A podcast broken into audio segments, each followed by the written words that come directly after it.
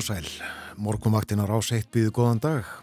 Það er 50 dagur, komin 15. september og klukkunum vantar nú 9 minútur í sjö.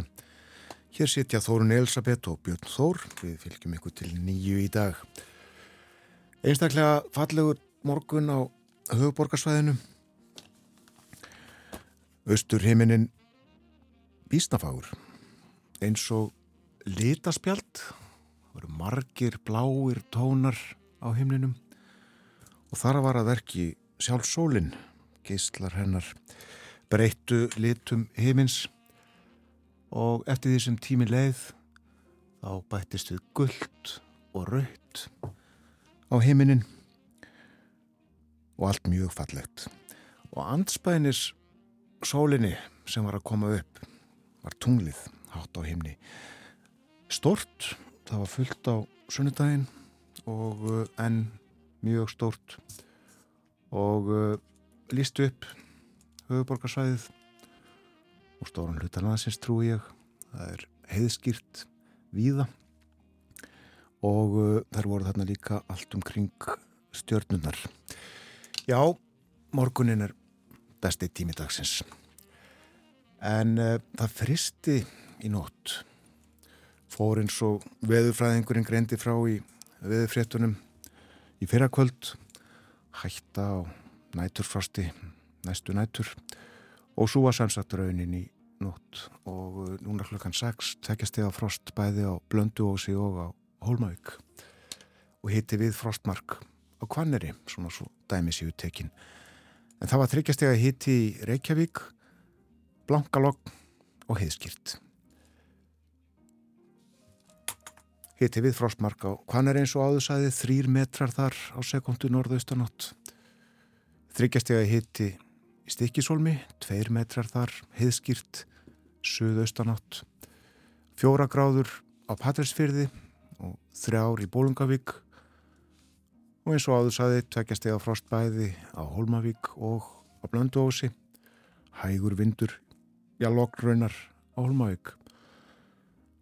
Þryggjastega hitti við Söðunisvita, hitti við Frostmark á Akureyri og logg, ein gráða á Húsavík logg, tveggjastega hitti á Rauvarhöfn, fjóri metrar á sekundu þar, söðvestan, þrjár gráður á Skaltingstöðum, þrjár gráður líka á Eilstöðum, skýja þar, sunnan þrýr metrar. Fimmstega hitti á höfni Hortnafyrði, átta gráður á Kvískerjum, sjö á Kirkjubæðaklaustri, áttastega hitti á Stórhauða í Vestmannegjum og þrýr metrar á sekundu þar. Og fjórastega hitti í uppsveitum Árnessíslu, hægur vindur. Og á hálendinu svo liti frost mínus ein, mínus tvær og mínus þrjár gráður. Svona viðraði á landinu klukkan 6 Og í dag fremur hæg breytilega átt og víða léttskíjað en líkur á þokulofti við norður ströndina þyknar upp síðst á landinu í kvöld. Það er vaksandi hæðarryggur yfir landinu sem er uppskriftaður róleg heita veðri með talsverðu sólskinni, segir í hugleðingum viðurfræðings. Og hitin að 12 stígum í dag, sunnan til verður hlýjast. Það verður orðið skíjað viða um land á morgun og sumstaðar lítilsáttar væta en áfram bjart söðustan til og hlínar heldur í veðri og svo segir í hugleðingum meðfræðings helgar veðrið virðist ætla að verða átaka lítið fram á sunnudagskvöld þegar lægðar drag nálgast með suðaustan kalda og rigningu síðst og vestast. Það er með það, ljómandi veður framöndan. Ég sé ekki betur uh, þegar ég skruna áframinn í daginn á spákorti veðurstofunar að sólimunni skína eitthvað allstaðar í dag og uh, gott ef ekki bara í allan dag á kvískirum einmitt það. Það er um að gera njóta haustveður sinns þegar það er svona fallegt. Og minnum við, minnumst við þá uh, orða Sigriðar Dóru Magnúsdóttur Læknir sem var hjá okkur í gær. Hún saði, reyfum okkur. Já, það þarf ekki að vera langu gungutúr en gungutúr gerir, uh, gerir okkur gott. Bætir heilsuna Við hlustum á lag, fyrsta lag þáttanins þennan morgunin. Uh, um, hér er Roger Vittager með gítarinn sinn.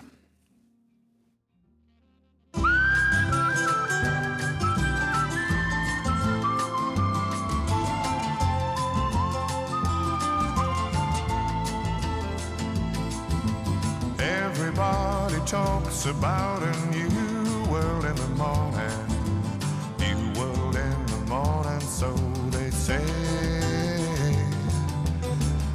myself don't talk about a new world in the morning. New world in the morning, that's today. And I can feel a new tomorrow coming on.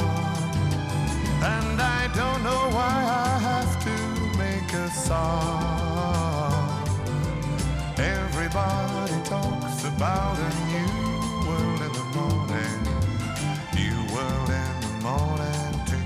long.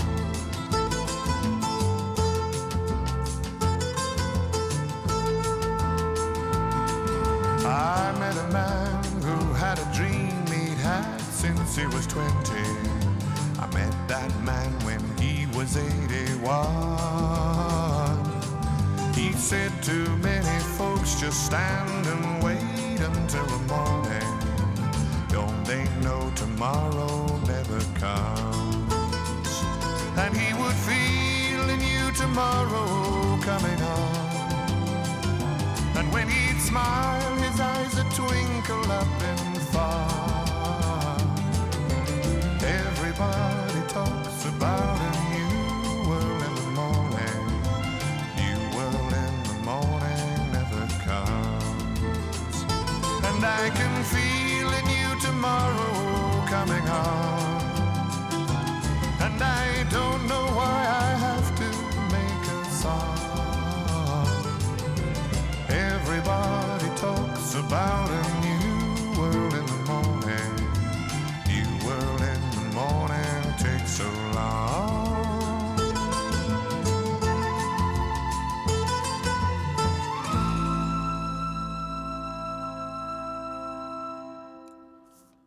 Þetta var Roger Whittaker, New World in the Morning. Hann samti bæði lag og texta og uh, þetta lag að finna á samnemndri blötu sem Roger gaf út 1971. Það líður að fréttunum hjá okkur hér á morgunvaktinni. Eftir þær förum við yfir dagskrá þáttarins ímislagt sem við ætlum að fjalla um í dag uh, íslensk stjórnmál, erlend málefni og svo ætlum við að tala um börn. En uh, förum betur yfir þetta eftir.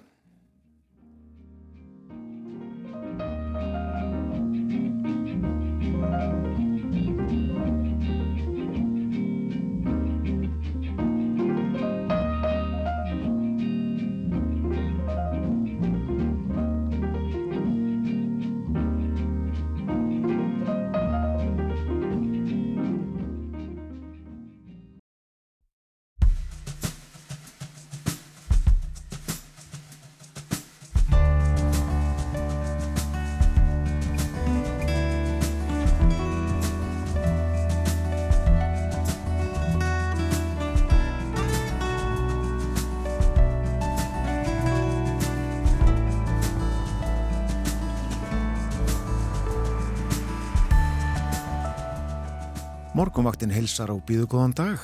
Í dag er 50 dagur 15. september. Fjármálar á þeirra mælir fyrir fjárlaga frumvarpi næsta árs á þingfundi í dag. Eftir snarpa fyrstu umræðu gengur frumvarpið til fjárlaga nefndar og lík, ef að líkum lætur þá tekur það þar nokkrum breytingum áður en það verður að lögum. Þannig hefur gangurinn verið í þessu. Við fjöllum um fjárlaga frumvarpið, tekjur og útgjöld ríkisjóðs skattheimtu og þjónustu um fjöllun hjá okkur klukkan halv átta í dag gestir verða fjárlaganenda fólkið Bjarkei Olsen Gunnarsdóttir Vafki og Ejólfur Ármannsson flokki fólksins Líklegt er að mynduð verði minni hlutastjórn á hægri vagnum eftir að niðurstöður kostningarna í Svíþjóðurðu ljósar í gær.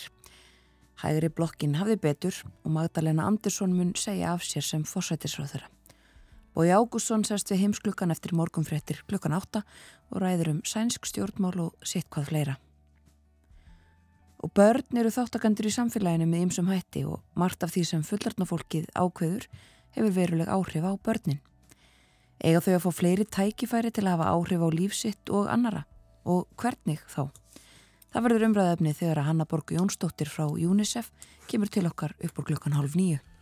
Umsjónamenn morgumvaktarinnar eru Þórun Elisabeth Bóadóttir og Björn Þór Sigbjörnsson.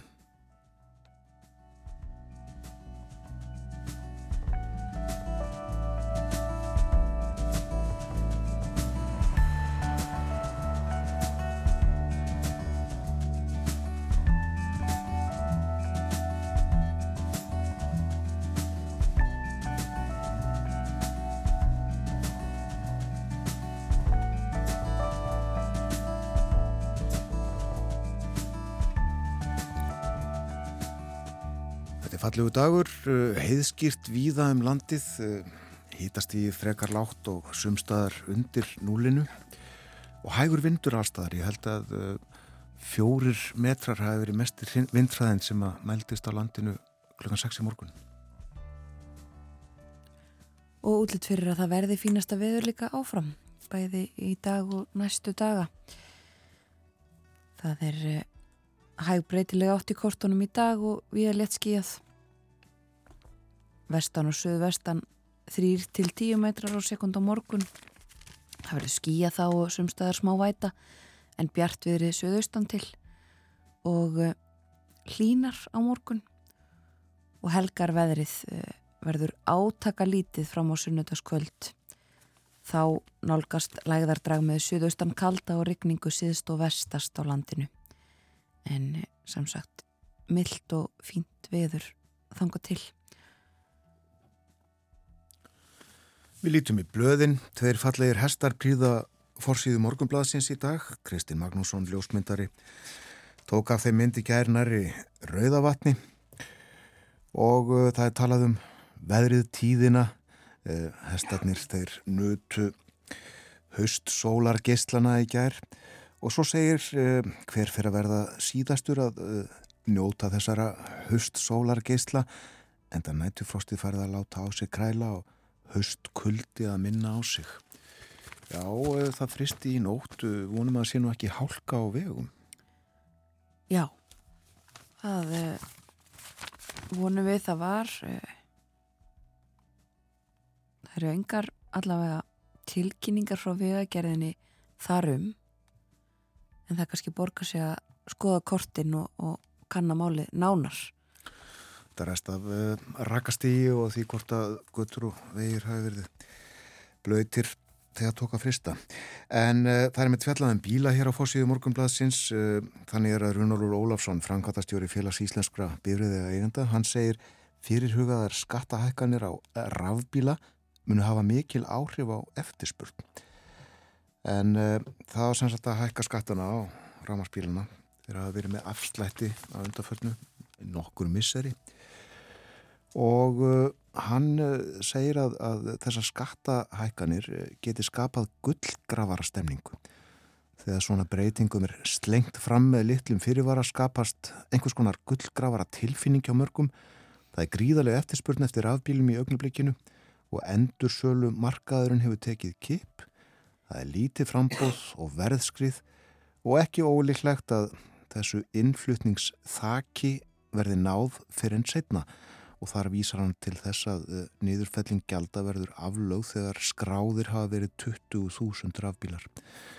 Og uh, Morgunblæði segir líka frá því á fórsíðu að uh, fjármálar átra Bjarni Bendiktsson var í viðtali á Bilgjunni í gær og hann mun hafa gefið þar í skín að gripið yrði til mótvægis aðgerða til að milda höggið af skattahækkunum á rafbíla. Málinn eru vist í skoðun. Uh, svo er líka talað um uh, gjaldtöku af sjókvíja eldi. Uh, Ríkistjórnin hegst hækka gjald sem er greitt af eldi á lagsi í sjókvíjum úr 3,5% í 5%. Ég veit ekki af hverju þessi prosentu tala er reknuð, hvort hún er af hagnaði eða hvað er en þetta gjald rennur í fiskaldi sjóð og þessi hækkun mun leiða til þess að innheimtir verða 2,6 miljardar af eldinu þegar gjaldið kemur að fullu til framkvæmda. Hækkar um 800 miljónir á uh, fórsíðu fréttablaðsins er fjallað um heilbriðismálin og stefnu ríkistjórnarinnar í heilbriðismálum Þetta er framhald á umfjöldum blaðsins í gær þar sem rætt var við Bjarnabindi trón fjármlar á þeirra sem að svona lísti, lísti þeirri skoðun sinni að uh, eh, ebla bæri uh, eh, engaregstur í helbíðiskerfinu og þetta er borðið undir Svandísi Svavastóttur sem er þeirra og fyrfirandi helbíðis á þeirra og hún segir að ekkert samkomlag hafi orðið í ríkistjórninu um áherslu breytingar í rekstri helbíðiskerfisins Stert ofinbært helbriðiskerfi hefur verið kjarni í íslenskrar helbriðistjónustu alla götur. og það er ekkert að finna í stjórnarsáttmála um að það kunni að vera til endurskoðunar, segir hún. og það er líka rætt við helbriðisáþra Viljum Þór Þórsson Hann segir það þarf að nýta alla krafta, þekkingu og færni. Það kallar á aukna saminu og það gerist með samningum við þjónustu veitendur óháð rekstrarformi. Og samhliða því þarf að styrkja og öfla sjúkrásin og heilbriði stofnanir um allt land. Og uh, skýðafólk kætist Fórsýðu mynd trettablaðsins tekin í Bláfjöllum í gær, skíðasvæðinu þar, eh, það verði að eh, setja upp tvær nýjar stólaliftur í Bláfjöllum. Frankvátastjóri svæðið sem segir úrbæturnar nöðsynlegar. Við áfært í heim. Við skulum gera það. Byrjum í Svíþjóð, eh, örstutt, förum svo nánar þangað á eftir. En Magdalena Andersson, fórsættisáþra Svíþjóðar, eh, hegst segja af sér, hún hefur játað sig sigraða eftir eh, kostningarnar, það var lokið við talningu í gerðkvöldi og eh, fór svo að hægri blokkin hafi betur og eh, búist í því að Ulf Kristersson fari nú í það að reyna að mynda ríkistjórn. Minni hlutastjórn er talin líklegasta niðurstaðan. En uh, við ætlum að fara nánar yfir sænsk stjórnmálu og stöðuna þar eftir morgunfrittir klukkan átta þegar að Bója Ágússon verði með okkur. Sænsk stjórnmálu á dagskroni þá.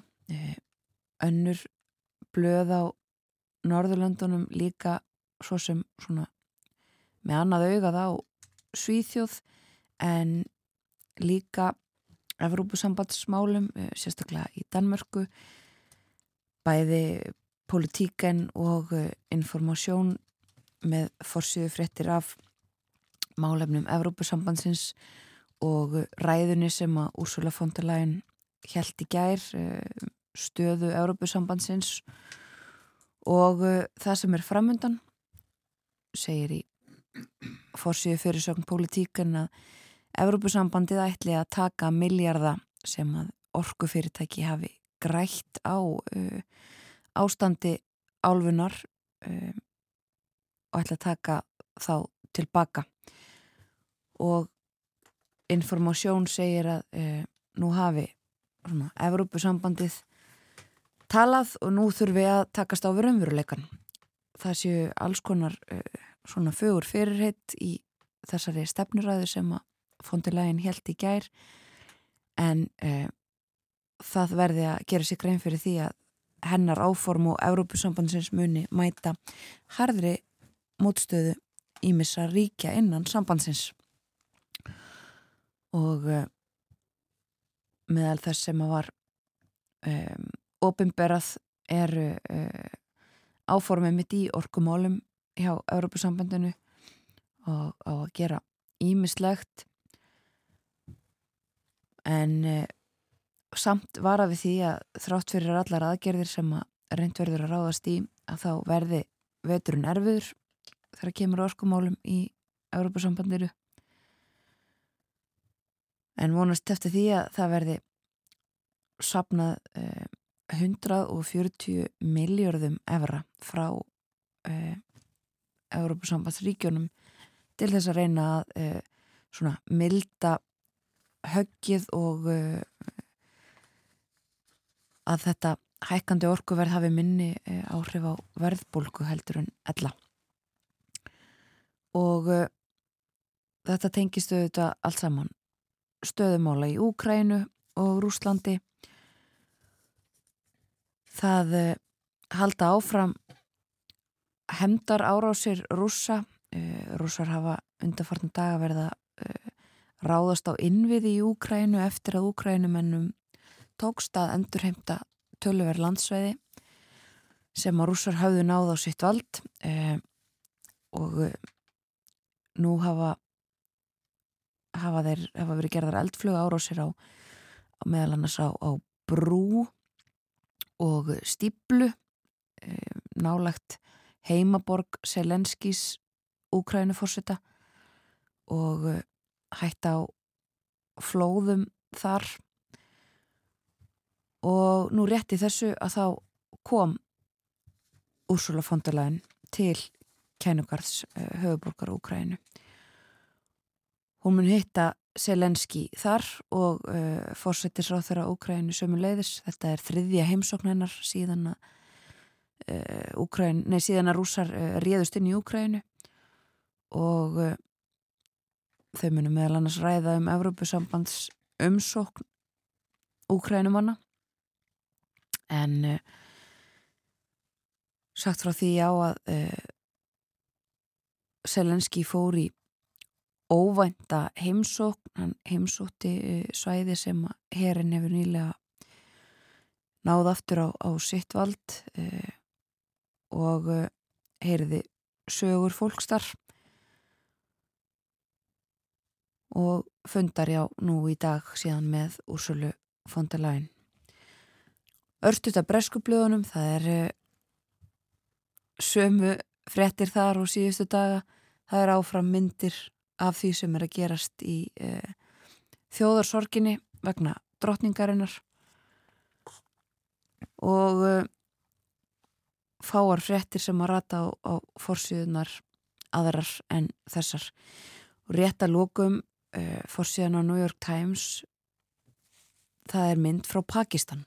Það eru 33 miljónir manna uh, sem hafa þurft að flýja heimili sinn, eru ekki uh, já hafa ekki heimili sín eða, eða það var þurft að fara innan ríkisins vegna þessara gríðar miklu flóða sem að þar hafa verið. Þetta er óbúslegu fjöldi og þetta gleimist stundum verður bara að segjast eins og er uh, í öllum frettunum frá Evrópu. En uh, sem fyrir segir meira af erlendum málefnum hér á eftir þegar bói Ágússon sæst við heimsklökan Á morgun er dagur íslenskrar náttúru og af því tilefni lesu við náttúru lýsingar hér á morgunvaktinni. Í gerð var fyrir valinu frásögn af, uh, frásögn af uh, ferðum Franks Lusaste Fontenay, sendi herra Dana á Íslandi. Hann uh, ferðaðist um landið árunum kringum 1930.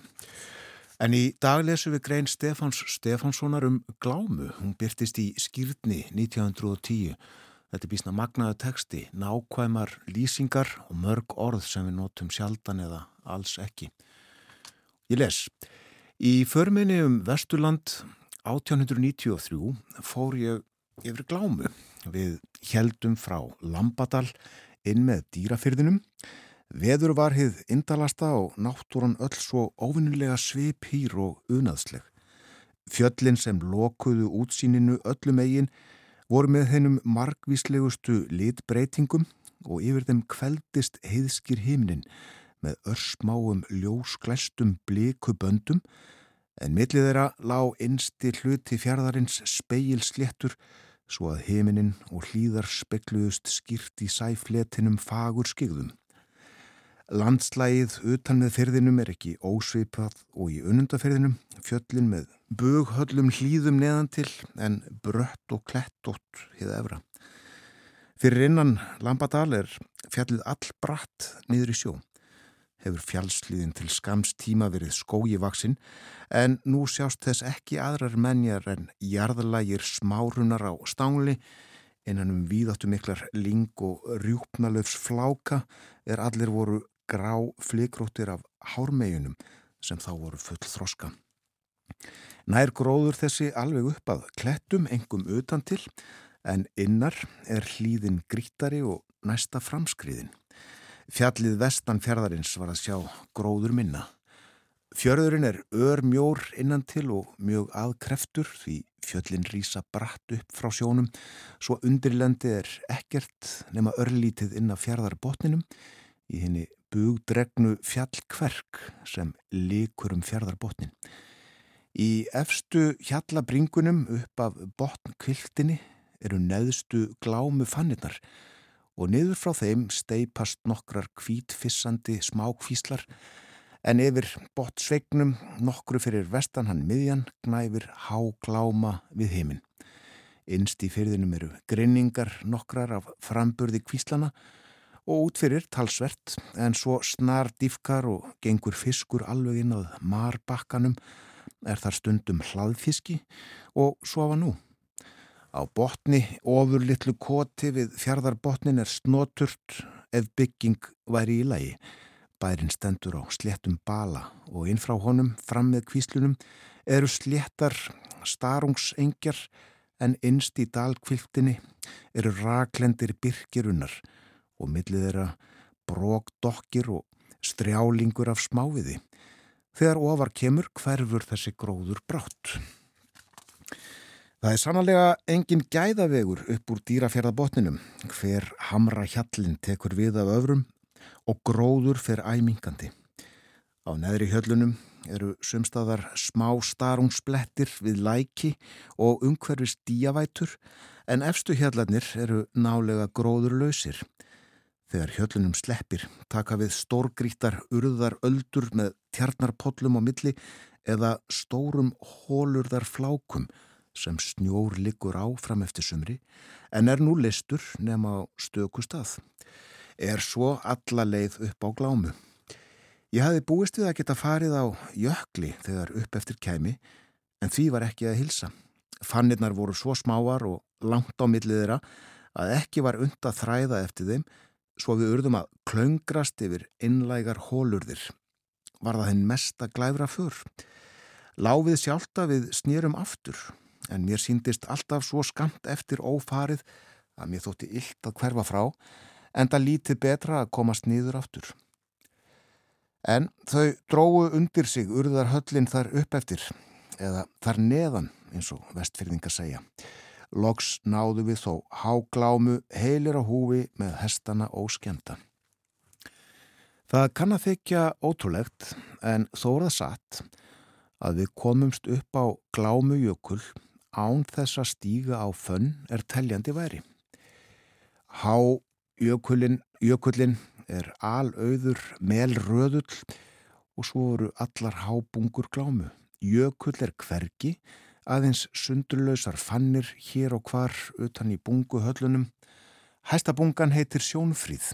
Er það rétt nefni því útsýni þaðan er bæði mikið og frít. Á Sjónfríð stendur gömul mælingarvarða, mikil og tröstlega byggð. Sérst frá henni yfir allt Vesturlandað heita má. Í norðaustri blöstru við hábungur drangajökuls, blá kvítar til að sjá.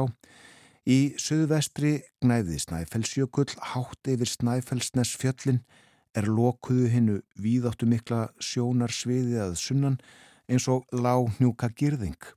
En langt austur í landi mændi Eiríksjökull í rauðbláum móðu hjúp, hátt yfir fjöll og heiðar. Uppi á sjónfríð er eins og getamonari gróður lítið. Þó sapnaði ég þar nokkrum steinskóa og mosategundum. En þó þær séu fáar og smáar júrtirnar sem þar vaksa er þar engu að síður levandi og órækir vottar þess að snjór og því síður jökull liggur ekki til langframa, ekki árum og öldum saman á glámu. Það má því óhætt streka glámu jökull út af kortinu. Og það hefur verið gert. Gláma er ekki lengur jökull og hefur ekki verið lengi. Gláma er bara gláma.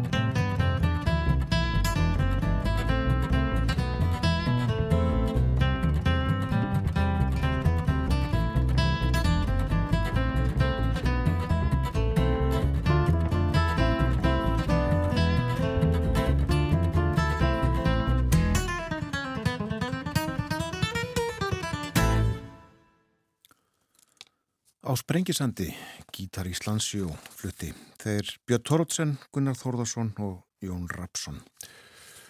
Við leikum þetta í framaldi af uh, lestri á frásögn Björns Björnssonar. Stefán Stefánssonar, alltaf ég að segja. Ég veit ekki hvað með dati hún nafni Björn.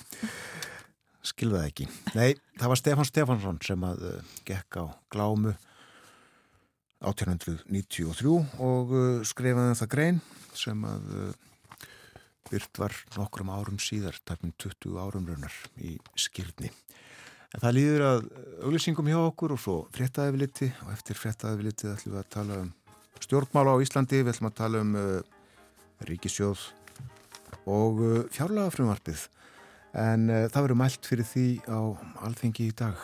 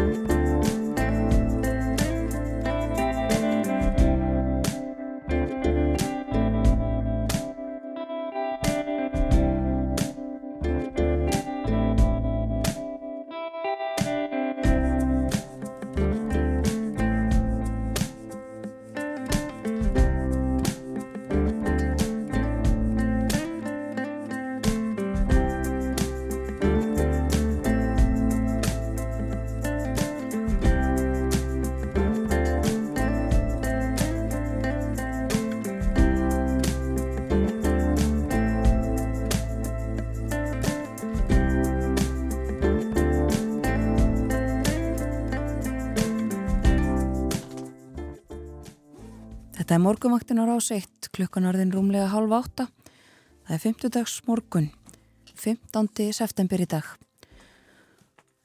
Og uh, fallegt veður, sólinn skín hér í efstaleiti í Reykjavík og uh, hún mun gera það víðast hvar um landið í dag. Fallegt veður, sól og hægur vindur um allt land, uh, að minnstakosti hluta úr degi. Það er hæðarryggur vaksandi yfir landinu og það er uppskriftað rólega heita veðri með talsverðu sólskinni eins og segir í hugleggingum veðurfræðings. Og eh, verður fínasta veður áfram næstu daga. Skíjað eh, á morgun víða en fallegt fram á sunnudagskvöld. Útivistar veður um helgina viðast hvar. Og við minnum á það hér á eftir morgun fyrir eftir klukkan átta verður bói Ágússon með okkur sest við heimsklukkan og uh, ræðir meðal annars um sænsk stjórnmál og stöðumála í Úgrænu og upp á klukkan halv nýju þá eru börn, málefni barna á dagskráni Hanna Borg Jónsdóttir frá UNICEF verði með okkur talar um áhrif barna á samfélagsitt en nú að öðruvísi áhrifum á samfélagið Já, nú eru fjallað um ríkisfjármálin og hvernig stilla byrja af tekjur og gjöld ríkisjós, hver mikið á að sækja í vasa fólks og fyrirtækja og í hvað á að verja peningunum. Útgangspunkturinn er fjárlagafrömmarpið sem fjármálar á þeirra mælir fyrir á alþingi í dag Og eftir fyrstu umræðu sem að líkur vantarlega á morgun gengur frumvarpið til fjárlega nefndar þar sem nefndarmenn setja margt sitt á það. Og í fjárlega nefnd setja kannara Bjarke Jólsen Gunnarsdóttir vinstri reyfingunni grænu frambúði og Ejólur Ármannsson flokki fólksins. Bjarke er formaður nefndarinnar og Ejólur er annar varaformaður. Velkominninga á morgunvaktina bæðin. Takk. Já, takk fyrir. Og mér langar fyrst að spyrja ykkur hvernig ykkur líst á frumarpið eins og það uh, kemur úr Arnarpáli, byrja á þér Björgein. Já, ég, sko, ég hef nú sagt að þessa daga eftir að það kom fram að það eru talsverð tíðindi uh, í rauninni kannski það sem við áttum ekki vona þegar við lögum að stað. Uh, við gerum þessa fjallega frumstars yfirstandandi árs að uh, Hallin yrði þetta miklu minni heldur en að við gerðum ráð fyrir þegar við lögum að stað og í rauninni bara kannski hvernig hagkerfi hefur tekið við sér og hversu rætta hefur tekið við sér. Það eru þetta og gerir stöðu okkar talsut betri heldur en við annar staðar þrátt fyrir allt og uh, mér finnst það að sjálfsögðu bara mjög gott að geta ríkisjóð með einsleitlum halla og mögulegt er. Um, og síðan erum við auðvitað þrátt fyrir að ímsir halda öðru fram, þá erum við að standa vörðum velferðarkerfið. Við erum að verja tekjulegri hópana og við byrjum á því strax í sumar. Um, að í, í júni var það þannig að við hækkuðum bæði hérna, húsnæðisbætur sérstakar barnabætur og bætur almannatrygginga. Og uh, því verður haldið áfram núna á komandi, eða fyrir komandi fjárlega ár og uh, loksins er nú verið að fylgja e, þeirri títnemdu reglu sem að vitna hefur ofti er varðar e, líferistegana þar sem að, að örgulíferir verður hækkaður um e, 9% á samanlagt. Þannig að þá er hann loksins að mæta verbulgunni og það kemur sér auðvitað sérstaklega vel fyrir þann hóp. Við erum áfram að leggja talsverða fjármunni í hérna greiðslur greiðslu þáttöku sjúklinga. Við erum að ennþá að leggja mikla fjármunni í uh, geðheilbriðismálin og þessi mál sem að kalla hefur verið mikið eftir. Þannig að ég held að svona heilt yfir að það er líka verið að húsnæðismálin er auðvitað talsvöld nefnd. Við höfum til, það er lagt til þessu frumvarfi að þeir sem ekki hafa átt húsnæði í fimm ár þeir geti líka nýtt úrræði fyrstu kaupenda, það er líka ný viðbútt um, og svo hefur, hefur komið fram bæði hjá Eh, innviðar á þeirra og fjármálar á þeirra að eh, húsnæðis uh, hlutina því það hefur verið gaggrínt það er mikið inn á varasjóði en starfsópurinn sem er, þeir eru tveira störfum allavegana sem eiga skila niðurstöðum núna í oktober á milli umræðina þannig að við fáum einhverja niðurstöður áður en að við afgröðum áli frá okkur fyrir aðra umræðu, umræðu fjárlega þannig að ég held að við séum að standa ágætlega svona miða við auðvitað stöðu og það er áskoranir sem við stöndum fram með fyrir og ég ætla ekki að gera lítið úr því. Það eru margar áskoranir, verbulgan og annað slikt sem að, að við verðum að fylgjast með og halda áfram að gera eins og gert hefur verið. Þannig að, hérna, já, ég held að við séum að, að leggja fram hér þokkalasta frumöp en það verður verk okkar eigjós að, að fara betur yfir það inn í fjárlaganemnd eh, hvort eru góðtengustar. Ejálur, hvernig líst þér á? Já, sko ef ég byrja því bara að tala um hagkerfi heil sko þá er, þá er margt gott í gangi í hagkerfinu og uh, við komum betur út á COVID en, COVID en áallan stóðu til. Að það voru 65 miljardar meiri í ríkiskassunum en, en áallan var og uh, nú hafa ferðarmennin komið til landsins og það hafa kert upp hagkerfið og verðmættasköpunina þannig að við stöndum ágjörlega og líka í sambyrju á Evrópu þá erum við búin svo vel að hafa erum ekki tengt Evrópu varandi hérna rávorkuna og rávorkverð hérna er ódyrara heldur annars þar í Európu og svo við svo heppin að hafa hittavatnið sem er gríðalega auðvind líka. Þannig að við stöndum örguliti ágætlega veð hagkerfið. En það sem að er raunverulega í þessu, þessu stór stendur upp úr þessu fjárlagafrömbur fyrir mér er það að útgjöld til velferðamála þeir halda ekki í við verbulguna það er svona stóra málið. Og það er kvorki í ár þau gerða ekki ár. Það er að því að í spáin fyrir árið ár var 3,3% verbulga og hún er 8,8%. Það er gert ráð fyrir að verði 8,8% jafnvel herri, þá það er rýrnum hann upp á 5,5% og svo á næsta ári þá er spáð Sælabanka 6,7% verbulga og það er ekkert óleiklegt að hann verði herri og, og útgjöld til velferðamáluna þeir haldi ekki í við þetta og ef við tökum bara eins og örurku ellilífiðspettur þá er búið að 9% hækkun hvernig er hún fengið út? Já þá erum við raunverulega er það bara 6% hækkun frá áramótum. Að þeir nota hækkunum frá í vor sem var 3% sem var sérstaklega aðgerið gegn varbrúkunni bæta henni við. Og þetta er nú svona hálfgeir bókaldstryggs þar að þeir sem að þetta er raunverulega hækkun sem að komi í vor en þeir halda að segja, segja fjárleganum hún komi næstu áramót. Þannig að það er raunverulega bara 6,6% hækkun þar í örku ellilífisbótum þannig að það er raun, raun það er raunverulega rýrnum þar með við spána og svo ef við skoðum líka skóla og helbreyðsmálinn, þar er umtalsverð raunlækkun á fjárlöfum sjúkarása þjónustan, það er krónutölu lækkun upp á 1%, 1% og svo hjúkurinn og endurhæfing það, það, það, það fær líka högg. Og jú, við erum að spara í livjónum það er líka út af uh, COVID-málum, það er hérna það var samdráttu þar. Og, og raunverulega er hérna svo við skoðum, skoðum hérna barnabættur húsnæðis, húsnæðismálin að þar er samdráttur samtals upp á 2% til uh, svona almennt sé til fjölskyttumála og ég fæ ekki sé satt að segja en að verðbólgan sé að þeir sem að taka höggi í verðbólgunu það eru, það eru eldri borgarar og það er fátaka fólki og læri stjættir landisins. Það, það er, er alveg klart mál og það, við sjáum það líka bara út af vakstækum sælabankar að þeir sem eru með húsnæðisland, þeir munu taka höggin og var þetta tekjulegina mm. að þá er ekki verið að auka veiðilega gjaldið, engi bankaskattur og fjármastekjuskattur er láriðna og hann er lærin annars þar þannig að það er ekki, ekki breyðuböki sem er að taka verbulguhöggi á sig. Það mun verða almennt launafólk og fátakar hluti landsins. En það er áhugavert sem þú hægt að segja að, að þráttur eða að, að útgjöld séu aukinn til ímins að málflokka þá sé í raun um raunlækkun að ræða vegna verbulgunar. Verbulgun er herri heldur en hækkanar. Bjarki, er það að slá, slá ríki í auðu fólks? Nei, nei, það held ég ekki og, og það er auðvitað að leika sem er tölur eins og við þekkjum og, og setja þær fram með ýmsum hætti Ég held bara það, það sem að kannski dreyji samantalsett í auðvitað, það er tventi í frumvarpunum sem að, maður þarf að hafa augun á. Það er annars vegar auðvitað COVID-stuðningur, það sem að verið er að draga saman auðvitað vegna þess, þeirra sérstöku framlega við það. En það má heldur ekki gleyma því að við erum áfram með uh, talsverða fjármunni meðal annars í sálgæslu og annars líkt sem að, að því við vitum auðvitað að afleðingar eru ekkert búnar vegna COVID og annars líks. Þannig að síðan er það fjárfestingar, það er verið að hlýðra til fjárfestingum einmitt vegna verðbólkunar til þess að aðeins að hæja á hagkerfinu og það byrtist eðli málsangandi í ákveðnu aðhaldi. En uh, það er kannski fyrst og fremst það sem við erum að gera, við erum að hlýðra til uh, í stórum framkvæmdum og ég tel að það sé skynsalegt að gera það á þessum tíma það má svo skoða það hvort að það á við allstaðar, það er ekki endilega þannig. En ég held að fyrst og síðast er við uh, og ég er ósamála því að neðri hluti tekju tíundar sé að taka á sig eitthvað meira högghældur en uh, hérna aðrir í þessu. Og bara síst svo því að eins og ég sagði þá erum við að standa vörðum þennan hóp sem með alls konar aðgerðum.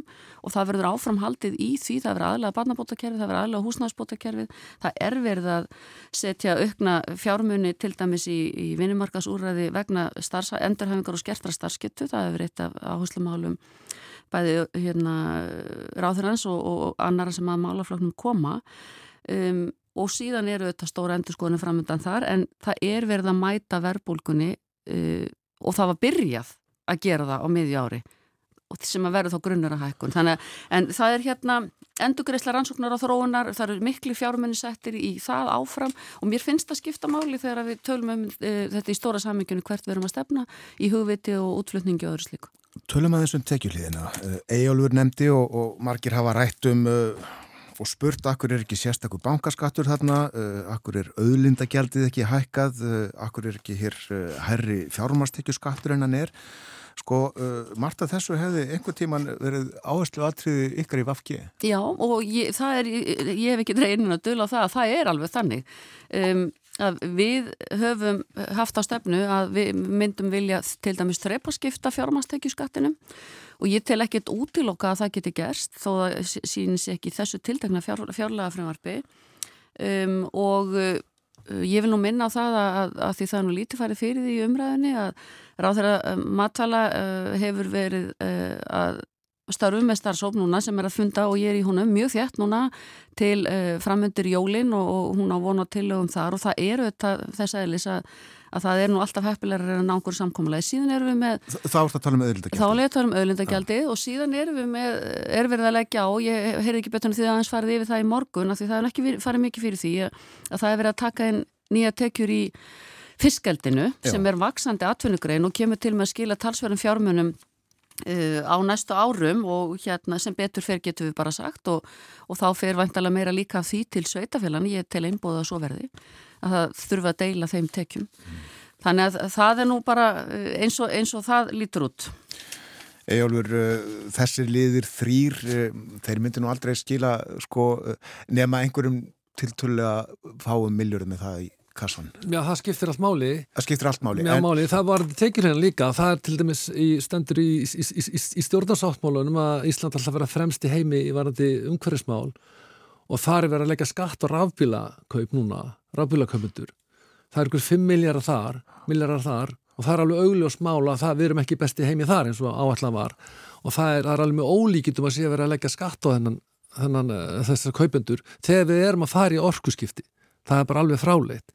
En varðandi það, varðandi þessi talt upp á áðan að jú það þarf að slá á þenslinni verbulgu en það er ekki verið að gera það, það hjá fjármarsengundum og þeir sem að hafa aðgang að sjávaröðlindinni það eru þeir sem hafa peningar í samfélaginu og þeir mun ennþá hafa sama fjármagn bak við sig og enga fjármagstíkuskattur en ekki að hækka. Það er, þar, það er þeir sem að dræfa, keira á, áfram fjárfestinganar ekki, ekki launafólk. Og þess að raunverulega má segja það að þessar aðgeri ríkistjóðnarar og sæðlabankars að þær er ekkert að fara áhrif á sko, verðhækkanar í heiminum eru út af uh, hérna, stríðinu Úkrænu og, og hérna, supply chain eða aðflustins frambúrskeiðunum að það er vaksta hækkan og þess að aðgjörða hafi ekkert áhrif að það. Það sem, er, sem keirir áfram verðbölguna hér á Íslandi er húsnæðislinu fyrst og fremst sem er innlendi hlutin og það er ekkert að taka sérstaklega honum. En það á að fara að byggja aldeilis? Á að fara að byggja. Við, það, veist, það, það er náttúrulega allt á segni í keðinu, það tekur tíma að byggja, tekur tíma að koma inn á markaðin og þetta var að búið að tala um þetta í mörg, mörg ár við vorum með á síðast ári, þá vorum við til 3,4 miljardar til, húsnæðsmála til að auka byggingar. Og það, því var hafnað þeirri breytingatillu og bara ansvarandi barnabætunar að þá fæ ekki betur séð en að barnabætur fá sömu krónu til árið 2023 og, og verða veittar á yfirstandi ári, ári sem eru 14 miljardar það, það, það er myndið því rýrna sanga þessu um 12,2% við horfum á tvö ári einu Já. árið ára á næsta ár Sakvært frumvarpinu uh, verður hallin á næsta ári 89 miljardar uh, hvaða leið hefur þú farið? hefur þú já, jábel skilað frumvarpi með, með meiri halla eða hefur þú bara stilt þetta öðruvísi af? Ég stilt þetta allt öðruvísi af ég hef aukið veðilegu göldin tekið bankaskatt, á hverju ættum við að hafa bankaskatt? Jú það er að því það er ekki samkefna bankamarkaði Það er svo einfalt mál. Hagnaða bankana í fyrra var alveg ótrúlur. Hann jógst um eitthvað 29 miljardum upp í 82 miljardar. Það er ekki samkynn og þetta er í COVID og það er líka, þannig að COVID-greislunar, það hefur verið mikla argreislu til fyrirtækjana, mikill arður í COVID. Það er það ríki var að spröyt út peningum í samfélagi og þeir fara mikið til eignafólks, til þessum eiga ekki til þessum að ekki til, til þessum verðstatt í samfélaginu og það er þessi tilfærslukerfin, þau eru bara ekki skilin á miklu og svo getur við tekið heilbyrðiskerfi líka. Við erum að reka heilbyrðiskerfiðana á raunverulega sko í, í annar staðar í, í Evrópu. Þá er þetta 11% af GTP við erum með svona 8% rúmlega sem við erum að setja í heilbyrðiskerfið og, og varðandi það þá er sko þetta til sem var til sjúkarásin að þá erum við ekki alltaf að taka á þeim málum næjanlega, Nei. varðandi ástandið á landsbytálunum og svo getur líka farið í eldrunarþjónustuna og, og, og annað slíkt Þannig að það, ég, þetta, þetta ár eftir ára sem ég verið að tala um landsbytalan, ástand á landsbytalan, það er komið sannlega 15-20 ár sem við verið að tala um ástandi og brá, núna verið fólk að segja upp þar, hjúkunarfræðingar og það, það verður bara að fara að gera eitthvað, við verðum ekki að reki hérna alvöru hátækni sjúkrahús án þess að sé krísu ástand nánast vikulega.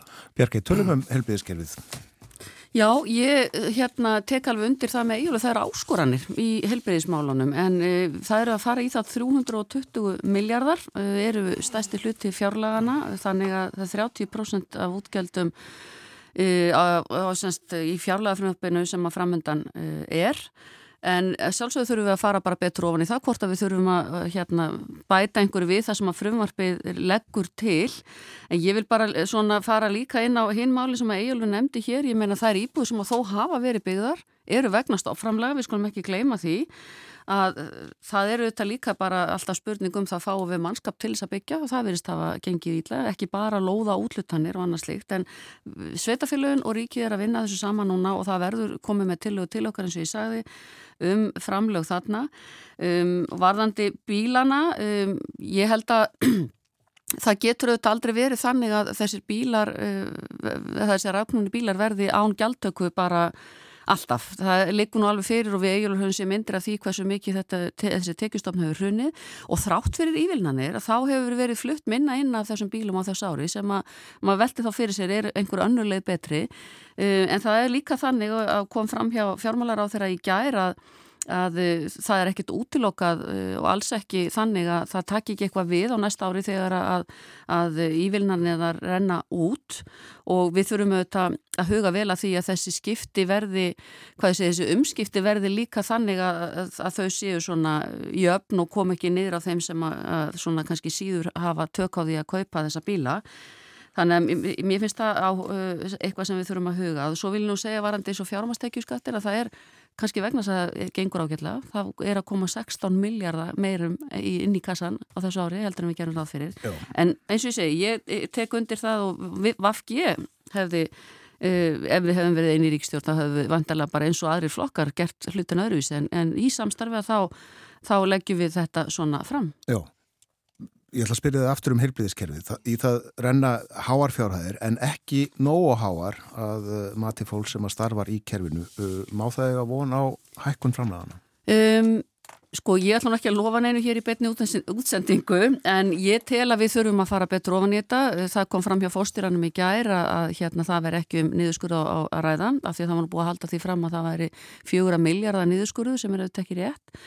Um, þannig að að það er svona einbóði finnst mér á millumræna að við tökum það í fjálanemnd og, og veltum því upp og fáum líka sjúkrahúsið á Akureyri, það gleymist oft í umræðinni, landsbyggtalinn yfirtekur oft alla umræðu og ég vil halda því til haga að það er líka sjúkrahúsum og þjónar ansi stórum hluta eh, landsmanna og er vara sjúkrahús, þannig að ég held að þessi stóru auðvitað innviða hérna tækja okkar, við verðum auðvitað að passa vel upp á þau og, og líka starfsfólkjunum sem að það er inni og ég held að það sé verkefnum okkar eigjums að fara yfir það meðalans. Það verður uh, meld fyrir frumvarpinu og eftir og uh, talað um það er það ekki í þinginu í dag og morgun og, og svo fáið það í nefndina og hvað sittiði við frá mótni og fram á kvöldnastu vikur? Nei, það er nú þannig á mánudagin að þá byrjum við nú samt klukka nýju og, og hérna fáum tíma þarna rétt framöndir hátegi og samir á miðgutagin en við tökum næstu tvo förstu daga og hérna sitjum allan daginn yfir því en það eru þetta þingfundir þess þess á meilli. Já, Eður, ertu búin að ákveða hvað þú ætlar að leggja til á uh, fundu nefndarinnar?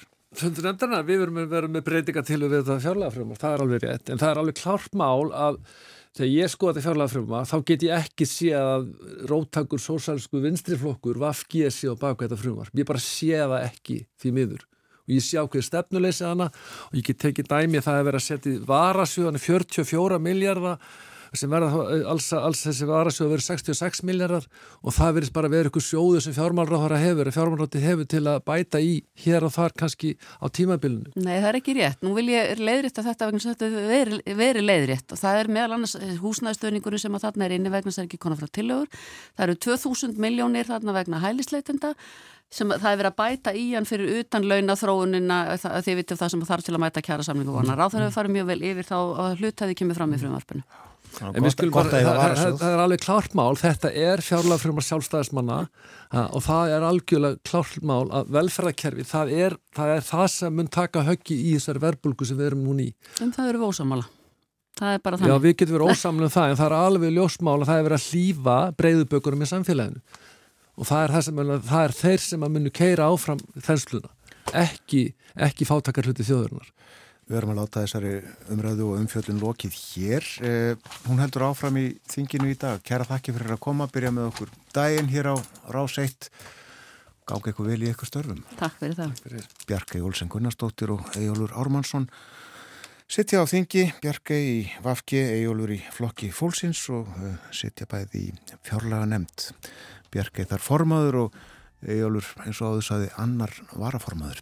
Framundan eru fréttir hjá okkur, fyrst auglisingar eftir fréttir Bóji Ágúrsson.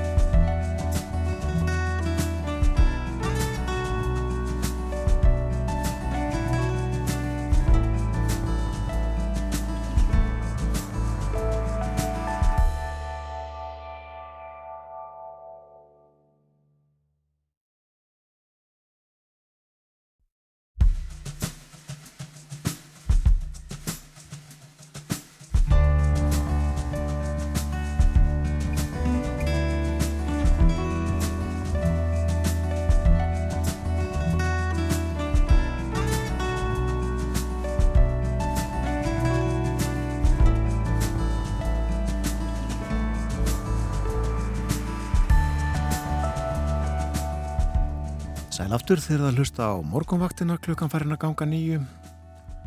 Góður dagur framundan er okkur óvægt að segja. Við höfum farið yfir veður horfurnar hér nokkur sinnum í morgun og Andri Yrkild Valsson gerði það undir lok frettatímans áðan. Já, sólið mun skína víða og hittinn Þorun átt hann ekki að vera að hvað? Tólstígum? Jú, að tólstígum í dag og hlýra á morgun en uh, sólskinn viðast hvar um landið í dag, já. Íslensk pólitík til umfjöllunar hér fyrir fréttinnar. Hjá okkur sátu tveir þingmenn, þau eru bæði í fjárlaganemnd alþingist, þau Bjarki Olsen Gunnarsdóttir og Ejólfur Ármannsson. Þau töluðu um fjárlagafrumvarpið og ríkis fjármálinn vitt og breytt hafa verið mælt fyrir fjárlagafrumvarpinu á alþingi núna eftir uh, rúmar 50 mínútur, umræðan herskluga nýju. Og uh, svo gengur frumvarpið til nefndar þar sem það tekur líklega einhverjum breytingum. En uh, nú er komið að heimsklukanum og Ágússon er sestur hér hér og sæl og góðan dag. Góðan dag. Við ætlum að uh, reyna að fara nokkuð víða í spjallið okkar um ælend málefni þannan morgunin en við ætlum að byrja í Svíþjóð. Það eru allar líkur á uh, því að ný ríkistjórn taki þar við. Hvenar er nú óvist en hún mun að öllum líkindu verða blá. Það eru allar líkur á því. Ég þú bara byrjaði að sko að segja Björn, já, góðan daginn og annars lít og þetta var mjög fallið um morgun að kera hérna núna með fram tjörninni, sko, dalalæða.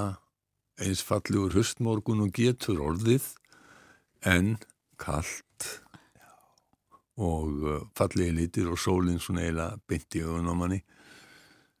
Já Svíþjóð. Já, ég ætla að segja já. ekki bara að sleppa því að tala um Svíþjóð tala um hvað já, þetta fallir um vera ljóðræn og tala um verðið á Íslandi. Svo hefum við líka eins og sem oftar áformum með það að fara við en það tekst nú ekki alltaf. En við skulum byrja í Svíþjóð, það er rétt blá ríkistjórn Magdalena Andersson segir af sér núna uh, klukka nýju að íslenskum tíma Uh, og uh, fórsetið þingsins fylgur henni að vera áfram fórsetisráð þeirra þá hann gæti að búið að mynda nýja stjórn. Nú skulum ekki gleyma því að síðast þegar að myndu nýriki stjórn í Svíþjóð þá tók það mjög langan tíma. Á kosið í september það var ekki fyrir í januar sem að uh, það gengi frá því. Það er nú ekki líkur á að það tekki svo langan tíma núna. Það eru samiðilega stefnu yfirlýsingar hægri flokkana fjögura sem að eru með meiri hluta 176 þingsæti á móti 173. Það munar dálítið um það að í taldingu utan kjörfundar atkvæða sem að lauk í gær þá bættu hægri menn við sig, með minnir að hafa verið mótið ratana, sem styrtu stöðu sína um eitt þingsæti. Það kom kannski ekki óskaplega mikið óvart vegna þess að mikið af þessum atkvæðum eru atkvæði síja sem að búa erlendis og það var alltaf vitað að þeir e, eru hægri sinnaðari heldur en þeir sem að sitja heima við. Annars er ímislegt merkilegt við þessu úrslitt eh, sem við sjáum og það er til dæmis að það sem að Silja Bára kallar skautun í amerísku þjóðfélagi sem er ágættis orð svona fyrir polariseiningu, hún er aukast í Svíþjóð líka og hún er aukast á milli þjertbílis og dreifbílis. Þannig eh, bætti, bættu Svíþjóðdemokrátarnir við sig umtalsverðu fylgi á landsbyðinni uh, að hluta til á kostnað með flokksins, Sendern, sem er sko fransnaflokkurinn þeirra. Og uh, það er uh, hluti af þessari ástæðu er hörð andstaða Svíþjóðdemokrata við gjöld á, á eldsneiti, orgu og öðru. Og svo eru Svíþjóðdemokratarnir líka mjög endrið fylgjandi sko auknum félagslegum útgjöldum. Þeir eru svona eins og mjög margir aðri populistar danski þjóðaflokkurinn og svo, svo, svo dæmi sér nefnt að þá eru þeir svona til daldið til vinstri í, í svona félagslegum málum þá við séu hægri sinnaðir í, í mjög mörgum og öðrum málum og alltaf flokka er lengst til hægri af öllum, af öllum sænskum stjórnmálflokkum enda eiga þeir uppbruna sinni í nýnasistarfemingum það er hlutur sem að svona hinn alminni svíi Svensson, hann virðist bara hafa glemt og nú, er, nú eru þeir orðin húsum hæfir. Uh, ekki samt sem áður svo eru, einhvað segja þessu, komin inn í forstofuna. Þeir fara ekki inn í allalegin inn að ríkistjóðanborðinu það er nánast útiloka en uh, stóru tíðindin í þessum kostningum eru auðvitað að uh, þeir eru sigurverðarnir Eh, Moderat, moderatana töpuðu daldið, ekki eins mikið og virtist vera í upphafi.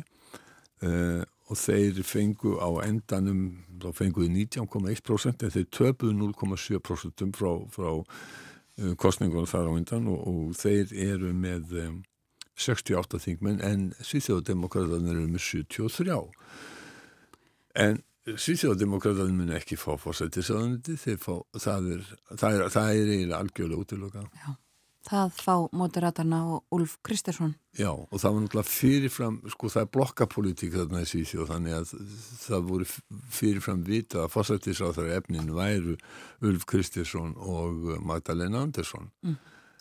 Já, þú segir það tekur líklega ekki að blangan tíma á síðasta myndaríkistjórn en, eh, en hvað hva gerist núna þegar þetta er ljóst og, og eh, Andersson eins og segir hún heldur áfram þanga til að ným ríkistjórni myndu en eh, hvert er útlitið? Sko, það, það eru, svo bara förum yfir það, þá eru fjóru flokkar þarna hæra meginn, það er moderatana, það er Svíþjóðdemokratanir og það eru kristdemokratanir, ja, kristilegi demokrata og það eru frjálslindir, mm -hmm. um, liberalina uh, og sem eru langt minnstir og voru horfur á, eða var hætta á að, að, að gætu dottuð út af þingi en uh, svo fór ekki. Sko það er mjög breytt bíl á milli frjálslindra og sýþjóðdemokrata og það eru mjög mörg mál sem að uh, valda deilum þarna á milli sem að geta verið erfið. Uh, bæði móteratan og sýþjóðdemokratanir vilja draga úr þróunarastóð og, en það vilja uh, henni kristilegu ekki. Og það vilja líberalendan heldur ekki. Uh, en uh, þeir verða sammóla um, um nokkur mál samt sem aður það verður hert innflytjanda lögjöf það verður lög mikil áhersla á lög og reglu. Lögreglan verður eld. Má búast við að, að það verður refsingar verði hertar Jimmy Åkesson, uh, leiðtöði Svíþjóðdemokrata hefur lítið mjög til Danmerkur þar sem að refsingar fyrir svona gengja tengda glæpi er uh, miklu harðari og þeir vilja afnema afslætti sem að eru á refsingum ungmenna sem eru gætnan í þessum gengjum og minnust þess að hvað var að 15 ára drengunni sem að skaut í Veslunumistuðinni í Malmö núna fyrir nokkur vikum.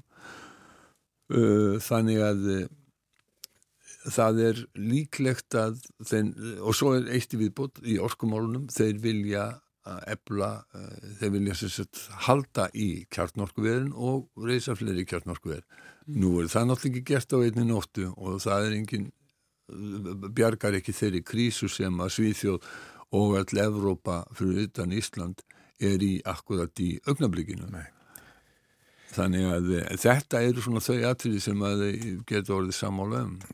En uh, hvernig sem þetta fer allt saman, uh, þá er Svíþjóð og leiði allarsvarsmandalæðið? Já, það er, um það eru allir stjórnmálflokkar í Svíþjóð nema vinstirflokkurinn uh, sammála en það er svona ræp hérna, Erdóan, Tyrklandsforsiti sem hefur meira um það að segja heldur en stjórnmálamenn í Stokkólmi. Og ástæða þess eru ennur ás rúsa í Ukrænum? Já, það er ástæðan. Það breyttust viðþór bæði finna og svíja uh, algjörlega á einni nóttu.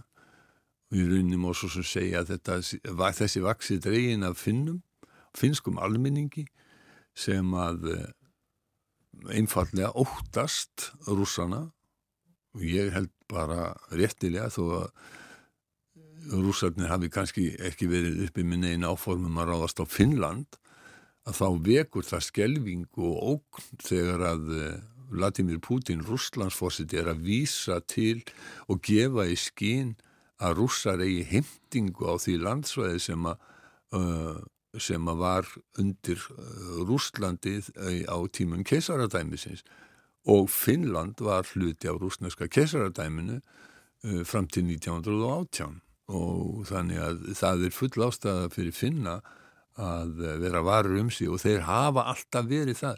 Fólk má ekki gleyma því að á meðan að aðra þjóðu svíjar til dæmis dróðu mjög úr útgjöldum til varnarmála eftir lok kaldastriðsins, þá gerðu finnar það ekkert.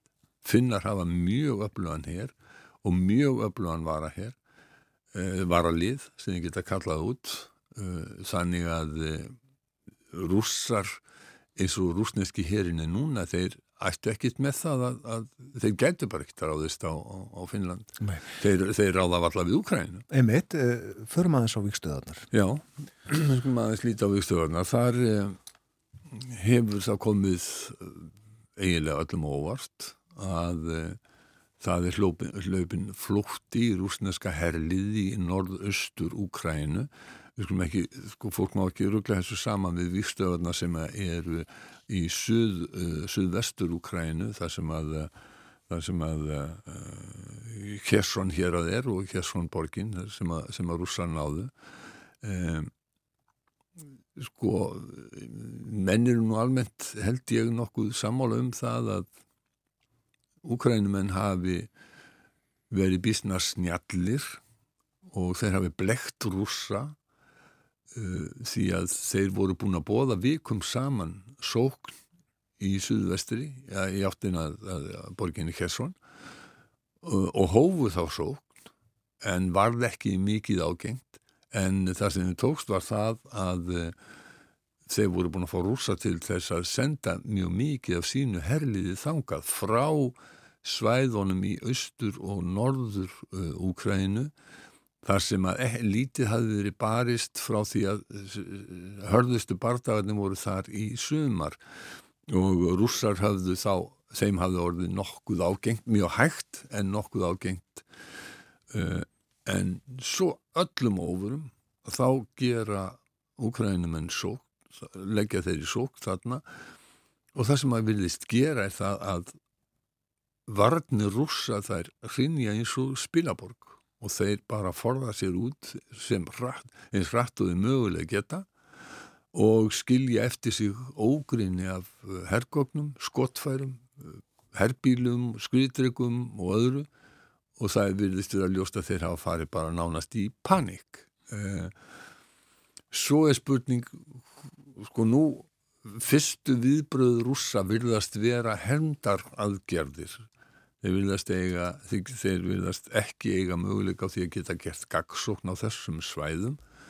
Um, þannig að það eru hemdaraðgerðir þeir til dæmis eru að skjóta eldflögum á, á heimaborg Úkrænufósita sem að uh, vilist ekki hafa neitt hernaðarlegan tilgang.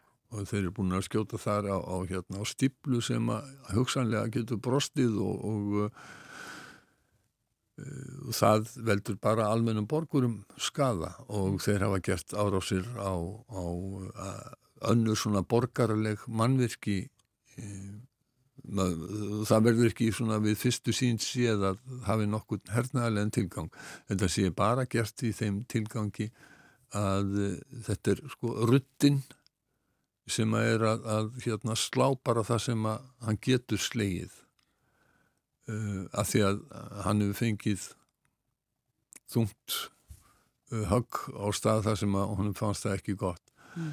um, framtíðin sko Úkrænimenn eru klárlega að bæði að, að með þessari sók þá náttúrulega fyrsta lagi auðvitað vilja er endur heimta það land sem að hefur verið tekið af þeim í öðru lagi að þá eru þeir að bæði að gefa sinni eigin þjóð tákn og yfirlýsingum um það að þeir geti þetta og þetta hefur lift getum við sagt móralnum og andanum í Úkræninu gríðarlega og í þriðalagi ekki, og ekki síst þá er þeir að segja stuðningsfólki sína á Vesturlöndum að þeir séu hæfir og geti sigra rúsana. Þeir þurfi bara vopn til þess að gera það og það eru einmitt vestræn vopn sem hafa gert þeim þess að sigra mögulega.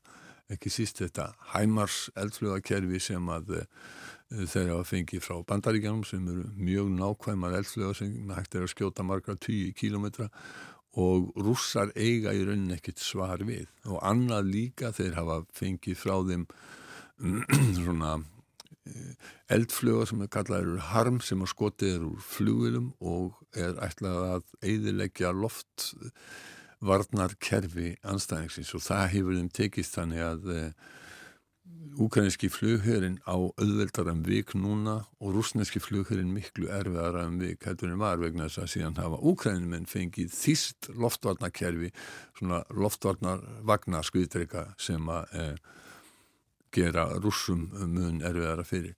Svo er stórið þátturinn kannski í þessu er sá að eh, rússar hafi ekki lísti við stríði rússar hafi, það er ekki allsherjar hér út hvaðning í, í, í Rúslandi þeir eru að berjast með takmarkað lið sem þeir viljast ega erfitt með að bæta í. Mórallin hjá þeim viljast vera mjög lélugur á meðan að mórallin hernaðarandin baráttuandin hjá Ukrænumannum er mjög mikill og þetta skiptir gríðarlega miklu máli í átökum eins og þessum. Og ekki bætur og skák þegar að koma enn einu sinni fréttir af glæpsamlegu ógeðslegu framferði rúsa á hernámsvæðunum það sem eru bara viðist er reglan að þeir fremji styrskleipi og fari með hérna, það lið sem að býr eða, sko, og það fólk sem að býr á þeim svæði sem þeir hernema á hreint skelvilegan hátt. Þetta sagt, gerir það alltaf verkum að, að svona, getum við sagt, mórulsk staða rúsana, hún hún er skelvileg og, og maður, nú meðum við passa okkur einaferðin enn að alhæfa ekki um alla þjóðina. Við skulum minnast þessum að hérna, Tómas sagði, sko, hjörtum manna svipa saman í, í Sútan og Grímsnesinu. Mannfólk er óskaplega líkt allstaðar rússar er ekki vera fólk að upplægi heldur en annað fólk. Rússar búa hins vegar við skjelvilega stjórn og, eh, og við skulum aldrei gleyma því. Mm. Og nú ber á uh, svona svo litilli gaggríni á Putin sem að fer nú svona oft ekkit uh, ekkit hátt en þetta er svona uh, já, svo sem lágt sett en svona, þetta, þetta gerist ekki oft, við heyrum ekki ofta svona frettir af svona löguðu. Gaggríni heima fyrir Já, gaggríni heima fyrir. Nei, ég held að mig í samt sem að ekki gera ómikið úr þessu. Hann ræði því sem hann vil ráða en þá. Það er, það er, ég held að sér aldrei langt í það að það verði eitthvað það verði eitthvað hérna dreyið að grafist undan hans völduma ég, ég, ég held ekki sko. Einmitt það. Eins og oft þá náum við ekki að fara yfir allt sem við ætluðum að fara yfir Bói Ágursson eh, við eigum eina mínútu eftir. Já, já, já, já. sko, það er útlýtt fyrir að, að þetta drægist á langin, er það ekki? Það er núna verið að segja það áfram þrátt fyrir þetta, þessar nýjustu vendingar þetta, þetta þetta, það er engar horfur á því að þetta, þessu stríði ljúki í bráð og það er eiginlega vandséð hvernig hægt verður að ljúka þessu stríði án þess að Vladimir Putin falli og eins og vorum að segja er engin merki um það að hann sé að falla. Um sem það vandsið að hann geti sætt sig við annað heldur en að ná þeim markmiðum sem að hann segist hafa sett sér sem engin veit í rauninni hver eru ein aðferð er sko að lýsa yfir já við unnum búin að ná okkur markmiðum og kollum hérinn heim en það held ég að hann, hann get ekki gert vegna þess að það vita það allir í heiminum og heima fyrir að hann hefur ekki náð sínum markmiðum. Úkrænumenn segast ekki ætla að gefast upp fyrir að þeir hafi endur heimt allt síst svæði. Það vant sig hvernig þessu líkur.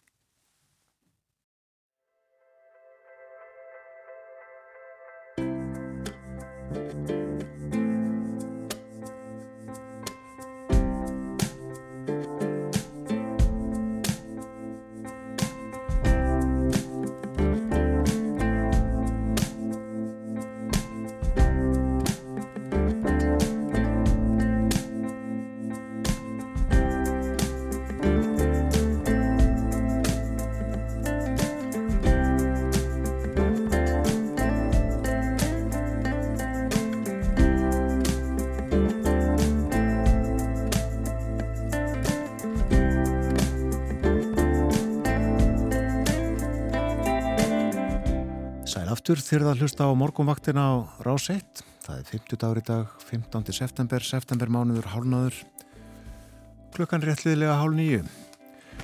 Það verður ljómandi veður á landinu í dag, hitin að 12 stigum uh, víðalogg, eða því sem næst, og þar sem að vind hreyfir, já þá fer hann hægt yfir.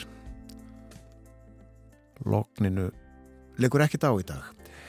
En uh, formlega veðurspáin hljóma svona fremur hæg breytileg átt og víða léttskíjað en líkur á þokulofti við norðurströndina þyknar upp síðist í kvöld.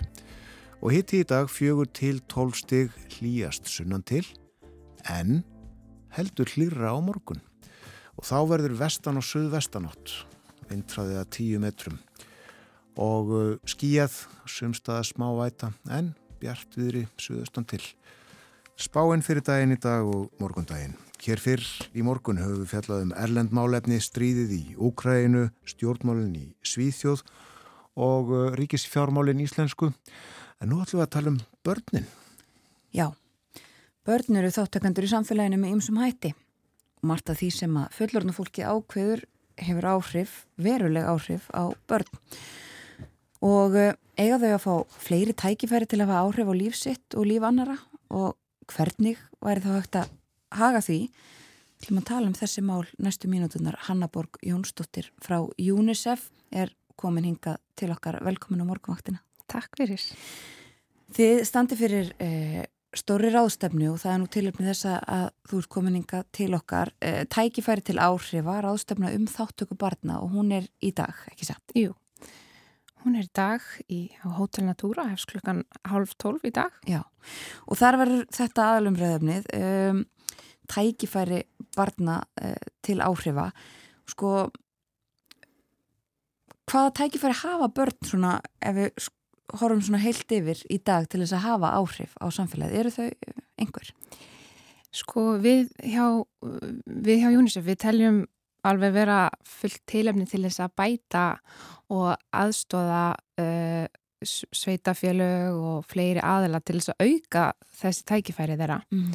Og það er einfallega vegna þess að uh, það er réttur þeirra samkvæmt barnasáttmálanum sem eru lög á Íslandi. Barnasáttmálum var lögleitur hérna árið 2013 Mm -hmm. og við erum að vinna í, í, í, í stórum tveimum verkefnum við hjá, innan, í, við hjá innanlandstild UNICEF á Íslandi eh, sem að snúast hreinlega um það að aðstóða sveitafjölög og skóla við að eh, innleiða barnasáttmála með markvisum hætti og hann snýst um þrend, hann snýst um vernd, umönun og þáttöku. Já. Og þa- þannig að þetta er gríðarlega eh, mikilvægur réttur og það eru uh, það eru marga leiðir og þess vegna er uh, dagurinn í dag mjög spennandi, við ætlum að fara vítt og breytt, við ætlum að tala til dæmis um ungmennaráð sem að öll sveitafélög eiga hlutast um að séu mynduð og að þau séu virk. En þá þurfa það líka stuðning og þau þurfa upplýsingar og þau þurfa mjög margt til þess að þáttaka þeirra sé það sem við köllum merkingabær, ekki Já. bara til skrauts. Og við ætlum til dæmis að ræða um það. Við ætlum að ræða um uh, til dæmis skipulagsmál uh, því að við hugsaum um hverfi Hverjir eru það sem nota hverfin eitthvað mest? Hverjir eru að lappa, ganga á gangstjættunum, hjóla, hjólajabil á milli hverfa? Hverjir finna mest fyrir því þar sem að umferðin er, er of hröð eða þau eru óerug? Eh, hvar vantar lýsingu? Hvar vantar allt þetta? Við þurfum að tala við börnum, við þurfum að heyra í þeim. Til okkar í dag ætla til dæmis að koma aðilar frá Reykjavíkuborg því að þau hafa tekið upp frábært verklag sem heitir, sam, eh, sem heitir skapandi samráð. Og þaðan eru komnar margar, er hægt að segja margar, margar sögur af því hvernig hugmyndir batna hafa orðið að veruleika og hvað gerist þegar við gerum þetta með margu sem hætti að bjóða upp á þessar leiðir og bjóða um þessi tækifæri. og þetta er alltaf öllu samfélaginu til bóta, mm. það er bara svo leiðis og ég held að það skorti engan vilja það yfirleitt þegar við tölum um þetta það langar öllum að gera vel í þessum en en við þurfum að huga að leiðunum, þetta gerist ekki sjálfkrafa. Við ætlum að tala um skólana, áhrifin innan skólastarfsins, áhrifin á, á, á hérna, frístundastarfið. Við ætlum líka að tala um leikskólana, þar, þar getum við líka hlusta á börnin og hérna, þannig að þau hafi tækifæri til þess að hafa áhrif á starfið og umhverfið sitt. Það, þar er hægt að segja einfaldasögur eins og til dæmis að því hvernig hægt er að fara með uh, ung börn í smáum hópum í göngutúra þar sem þau eh, segja frá hvernig þeim líður, hvað eru þau órug, hvað líður þeim sérstaklega vel, hvað finnst þeim eh, sérstaklega skemmtilegt, hvað gefur þeim mikið. En þá þurfum við að virka hlustunin okkar. Og þetta snýst svo mikið um það Já. að við fullandafólkið virkjum hlustunina og nótum hugmyndirnar og ábendingarnar og skoðanirnar með einhverjum markvisum hætti. Við þurfum að vera svo meðutið Já, og þetta er mitt eins og sér þetta er væntanlega svo litið ólíkt eftir aldurshópum eftir sko hvernig er hlustað á leikskólabörni eða svo ungmennar þann það eru væntanlega úlingarnir sem eiga sitt í þeim og, og hafa sitt að segja þar Algjörlega og þetta byggir mikið til á 12. grein barnasamtalans sem segir að öll bönn eigi að fá tækifæri til þess að koma skoðinu sínum á framfæri um öll málefni sem hafa áhrif á líf þeirra mm. í takt við aldur og þroska. Já. Þannig að þetta þróast allt saman eftir því sem þau eldast. Já. En uh, það, við hlökkum svo mikið til dagsins í dag að því að við ætlum, við erum ekki bara að benda á eitthvað, uh, einhver vandamál, við ætlum að tala svolítið mikið um lausnir og hvernig við getum staðið okkur ennþá betur í þessum málum. Hvernig getum við staðið okkur ennþá betur? Eh, svona aðeins búin að koma inn á það en, en kannski við förum aðeins svona dýbra onni það. Sko, við, það. Þetta snýst mikið til um tækifærin og upplýsingarnar. E, til dæmis e, ef við tölum um e, til okkar í dag kemur aðili frá til dæmis Reykjanesbæ Þau eru að vinna að verkefninu Barnmann Sveitafélag og hafa verið að uh, vinna eh, stöðumat á stöðunni í, hjá sér og þá öll, öll þau sveitafélag sem eru þessi verkefni þau, þau gera þau halda barnaþing og vinna uh, markvist úr þeim upplýsingum sem þar koma fram frá börnum á ólíkum aldri. Uh, það sem, það sem að gert til dæmis í Reykjanesbæ það var hérna þau settu plaggat út um allan bæ þar sem var QR-kóði og það var mjög skýr og barnvænt upp uh, texti e, þar sem þau voru beðin um að senda einu upplýsingar og þau þurftu einfallega að skanna kóðan og þá gáttu þau sendt ábendingar. E, við munum heyra líka frá Kópavásbæ þar sem að var settur upp tilkynninganhappur í alla iPada í, e, í, í hérna hjá börnum í 5. til 10. bekk þar sem þau geta tilkynnt millilega laust eh, hverslags áhyggjur hvort sem það var að þau sjálf eða vinið þeirra uh, þetta var eitthvað sem þau kölluðu líka eftir að geta haft samband með svona millilega lausum hætti. Uh, við munum líka heyra uh, frá Akureyrabæ þar sem að er búið að hlúa frábæla vel að uh, ungmennaræðinu þeirra. Þau eru bara fullgildir meðlimir stjórnsýslunar má segja. Þau fá greitt fyrir störfsín, þau eru með fulltrúa í nefndum og ráðum. Uh, þannig að þau eru upplýst og þá geta þau tekið upplýstar ákvarðanir og, og hérna, mynda sér skoðanir sem byggja á því sem er í gangi. En við þurfum að, þau þurfum að fá bæði fræðslu um það hvernig stjórnsýslan virkar. Þau þurfa líka að fá að vita hvað er í gangi hverju sinni í sveitafélaginu, ekki bara heyra því eftir á. Þau þurfa líka að fá að heyra hvað verður um það sem þau segja. Var, höfðu áhrif eða var engin vegur að taka til til þess að þau segðu af hverju þá? Þau þurfa að fá að heyra það. Við munum líka heyra frá stórkoslegum ungmennum einmitt frá Reykjanesbæ sem að hafa augljóslega fengið svo frábæna stuðning frá sínum uh, umsjónumanni og fengið ekki bara fræðslu upplýsingar, heldur líka þjálfun þjálfun í því að tala ofinberlega, þjálfun í því jafnvel að skrifa e-maila. Uh, ég til dæmis að síðasta haust þá ég var mjög djúft snortinn. Þegar ég horfið á þau, þarna nýju ungmenni uh, hérna halda hverja ræðuna á fætur annari þar sem voru að tala við bæjastjórnuna þar sem bæjastjórnun satt einfallega út í sal og þau upp í ponti Þa, það var þau voru full uh, af sjálfströsti og sjálfsöryggi vegna þess að auðvarslega hafðu fengið þessu góðu þennan góða undirbúning og þau voru ekki bara að benda á vandamál sem að byggðu á þeirra reynslu. Eh, þau voru að tala um aðgengismál fyrir fatlaða, þau voru að tala um eh, aðstöðu leysi fyrir úlinga, þau voru að tala um umhverjusmál, ég veit ekki hvað hvað. Og, en þau voru líka að færa rauk fyrir því af hverju uh, þau hérna, yfirvöld þyrst að gera eitthvað í þessum málum. Þau bent á lausnir, þau voru jafnvel með kostnara áallanir. Þetta var algjörlega stórkastlegt og enda skila þetta á árangri. Þau bæjastjórnin auðvitað var, tók til til þess sem þau voru að segja og stuttuðu með auk, auknu fjármagni og annað. Já. Þannig að það greinlega sko, eru jákvæður hlutur að gerast við um landið í þessu mál. Já, það má alveg segja það. En til dæmis staða ungmennaráða, hún er mjög mismunandi. Já. Stundum er ungmennaráð ekki til staðar einsunni. Uh, í lögum segir að uh, sveitafélagin eigi að hlutast til um þetta eins og ég segði, sagði að, hérna, að ungmennaráð sé stopnað. En stundum er ekki starfsmæður, uh, stundum er ekki hugað að því að tala um hlutverk meðlumanna í ungmennaráði. E, þannig að það er mjög mismunandi hvernig þetta er. Við erum í e, badmænum sveitafélögum e, sem er verkefni okkar hjá UNICEF.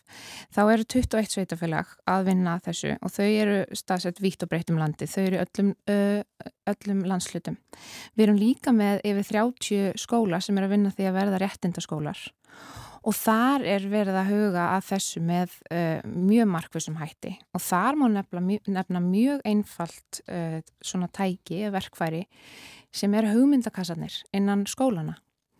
Uh, þar sem að þeir eru, sko, það er talað um þá, það er bent á þá og þeir eru mjög aðgengilegir öllum, alveg niður í fyrsta bekk. Og það er einhver, það er búið að ákveða hvernig ætlum við að vinna úr því sem þarna kemur þá gera stórkoslega hlutir og uh, þetta geta verið smáu hlutir eins og uh, uh, strákur úr Vesturbæðarskóla uh, það sem gladdi hann hvað mest var að þau hefði fengið salt og peipar í matsæli þannig að en, en hérna fullunum fólki ekki kannski alveg búið að kveika á því. En já. svo kemur þetta og sjálfsög það munar okkur engu.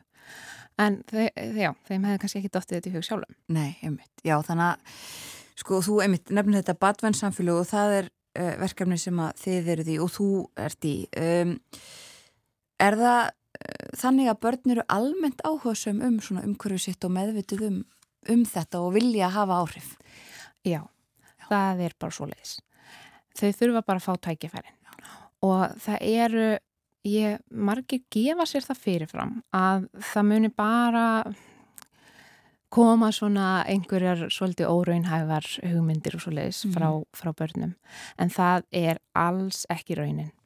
Og þau hafa mjög mikinn áhuga á, á hérna, umhverfsmálum og uh, til dæmis uh, niðurstöður úr til dæmis já, barnaþinginu á í Reykjanesbæ þau voru mikið að byggja um tre og gróður. Þau voru að byggja um liti. Þau voru bara að byggja um að það væri málað eitthvað á skólalöðinni að þau fengju liti í umhverju sitt e, á Akureyri varandi ruslatunnunar þær voru alltaf hátt bönnin náði ekki upp. Það þurfti að hækka ruslatunnunar hversu einfalt var það? Og, og þetta kemur frá þeim sjálfum. Það var enginn að spyrja ákvæmlega þessu. Þetta er eitthvað sem þau eru búin að vera að hugsa. Já. þannig að hérna, já, umhverfsmálun er mjög uh, hérna, standaði mjög nærri og bara almennt ef við hugsum um þeirra reynslu heim og hvað þau eru að gera á daginn, þau að sjálfsögðu pælaði í þessu Mm. uh, ég, tala, ég segi mjög oft frá líka sögunni af stráknum mínum sem að uh, hérna, ég bý hafnafyrði og hann er mikið í fókbalta og hérna þegar hann kom heiminsinu og hann var svo gladur, það var janúar og hérna það var búið að skipta um ljósaberuna á, á hérna gerðugrassvellinum Já. þeir voru búin að spila í myrkri. Við höfum ekkert ljós í januar skilji, hann var ekki út á nætundar hann var bara úti klukkan 5 en, en þeir voru að spila í myrkri. Og ef það hefði verið uh, mjög aðgengilegt fyrir hann að benda á þetta hann hefði bara vitað hvert hann hefði þurft að senda því að hann var ekki búin að nefna þetta við mig en ef hann hefði kannski vitað af einhverjum minna skólans að þá hefði hann ekki þurft að býða svona lengi Einmitt. að ég veit að þegar að ef að þetta hefði komið til bæjareyfalda þau, ég hef fulla trúa því að þau hefðu sendt einhvern beint á staðin til að skipta mér svo ljósaperu Já.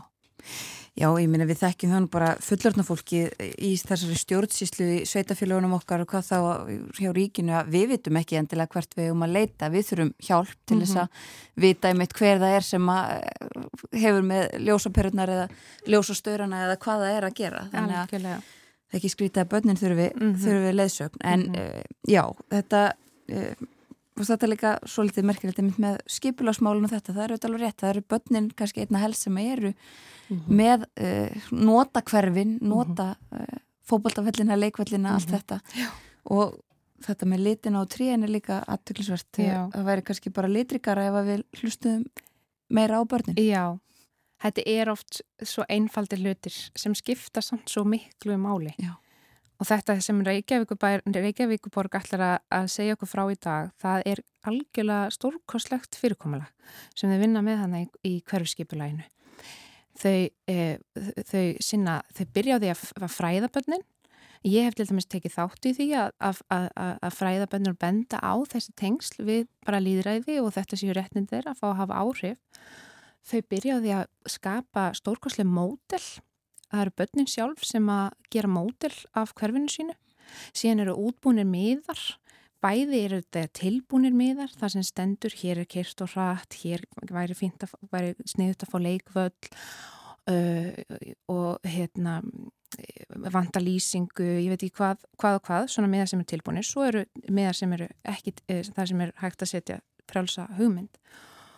Og og þau koma þarna einmitt með marku sem hætti, þetta er gert í, í samfunum við skólana í, í, viðkomandi hverfi. Og það er unnið með þetta allt er skráð inn í, inn í sérstakt kerfi, flokkað það er hægt að fylgjast með hvað verður úr hverju einu. Krakkandi gera verkefni í skólanum hvað, hvað finnst mér frábært í hverju mitt, hvað finnst mér ekki gott. Það er hugmyndaveggur, það sem er settar ennþá fleiri hugmyndir. Þetta er, uh, þetta þetta er stórt batteri þetta er auðvitað Reykjavíkborg, stæsta sveitafélagið okkar. En það má gera þetta með miklu einfaldari hætti út um allt land. Það er hægt að notast einfallega við loftmynd ef það er ekki hægt að gera mótel, það er en þetta snýst bara allt um að gefa þeim þessi tækifæri og vera tilbúin í virka hlustun. Og þið ætlið að uh, ræða þessi mál í dag uh, Hætlir geta fylgst með þessari ráðstefnu er það ekki uh, bara gegnum um, vef UNICEF eða hvað? Já, við hérna við, það er frábær aðsókn í þessa ráðstefnu, uh, frábært fólk að koma, bæði úr stjórnsíslunni og skólunum og, og víðar. Og en það er fullt á ráðstefnun sjálfa en við erum þar með sex málstofur og, og tvær vinnustofur. En uh, það er hægt að fylgjast með hluta uh, ráðstöfnunar í gegnum streymi bæði á Facebook og semst, það er þetta að finna UNICEF á Íslandi uh, á Facebook og svo er þetta líka á, á er hægt að finna upplýsingar um þetta á heimasíðun okkar undir innanlandstarf Hanna Borg Jónsdóttir, sérfræðingur hjá UNICEF. Kæra þakki fyrir komin á morgunvaktinu Takk alveg fyrir mig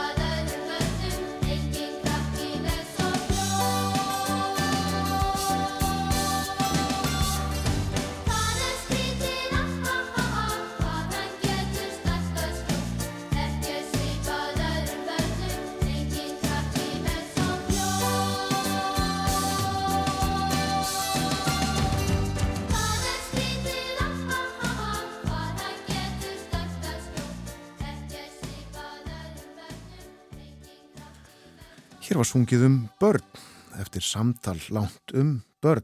Börn eiga að fá að ráða.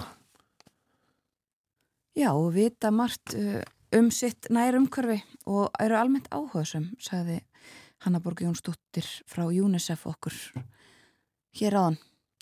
Og uh, þetta var Björgun Haldursson, þetta er af plöt, stóru barnaplutunni. Lægið eftir Gunnar Þorðarsson og textin eftir Sigur Július Jóhannesson. Já, börnin eiga ráða og við erum að hlusta á þau.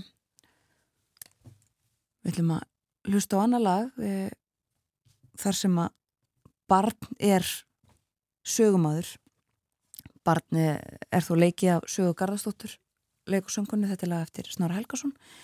Morgonvaktin hveður með þessu lagi e, í dag. Við höfum komið við að við, rættum um ríkisfjármálinn Rættum svo Merlend um málefni þegar Bói Ágússon settist við heimsklukkan og nú síðast um réttindi barna og það að við um að hlusta á þau og hjálpa þeim, veita þeim tól til þess að á þau sér hlustað. Við þökkum samfélgina í dag, verðum hér aftur í fyrramálið. Verðið sæl.